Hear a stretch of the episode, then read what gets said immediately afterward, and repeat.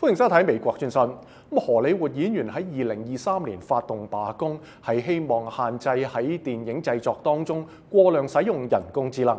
咁下边嘅记者杜乐喺洛杉矶嘅报道。结束编剧罢工嘅协议包括防止电影公司使用人工智能编写或者重写文学材料。编剧工会成员乔根森形容呢个情况好特殊。电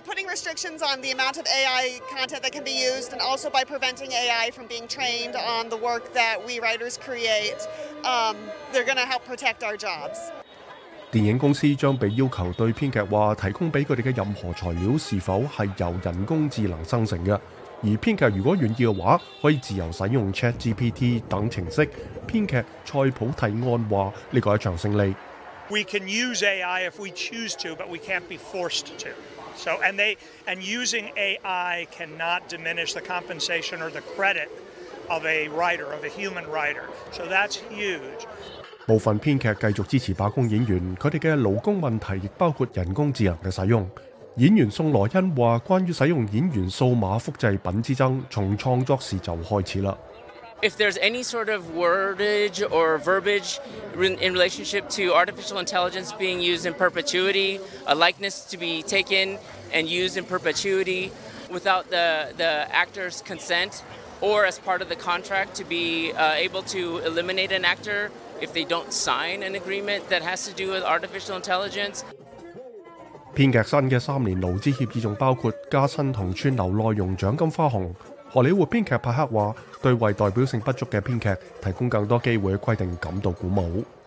writers, queer writers, like any any writer from a population that is not a part of the already very reflected majority, disabled writers, like anyone that's coming from a population that like has not historically been at the forefront of, of storytelling in this industry.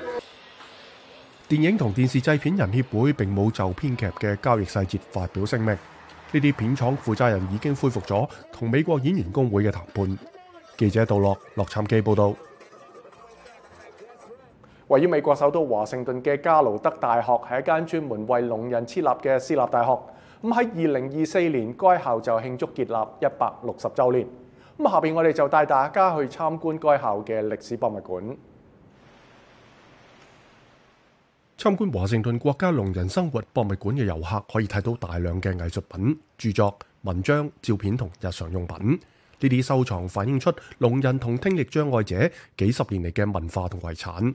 佩鲁齐系博物馆嘅馆长。Our mission is to communicate about deaf life, the deaf community, deaf culture, language, and to communicate this information to both deaf and hearing audiences.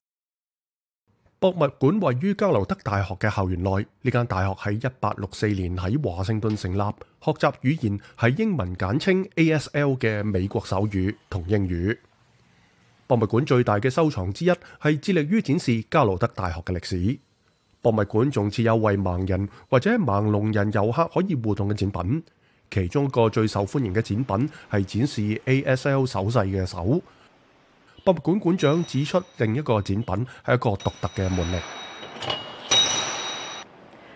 we had electricity, lights, doorbells, there had to be some way of knocking on someone's door, alerting someone in the room that you were there to see them.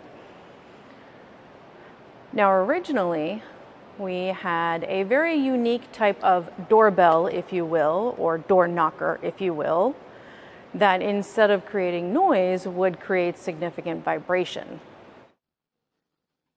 新冠疫情使到聋哑人士同听力困难人士嘅生活充满挑战，例如口罩嘅广泛使用使到读唇变得冇可能。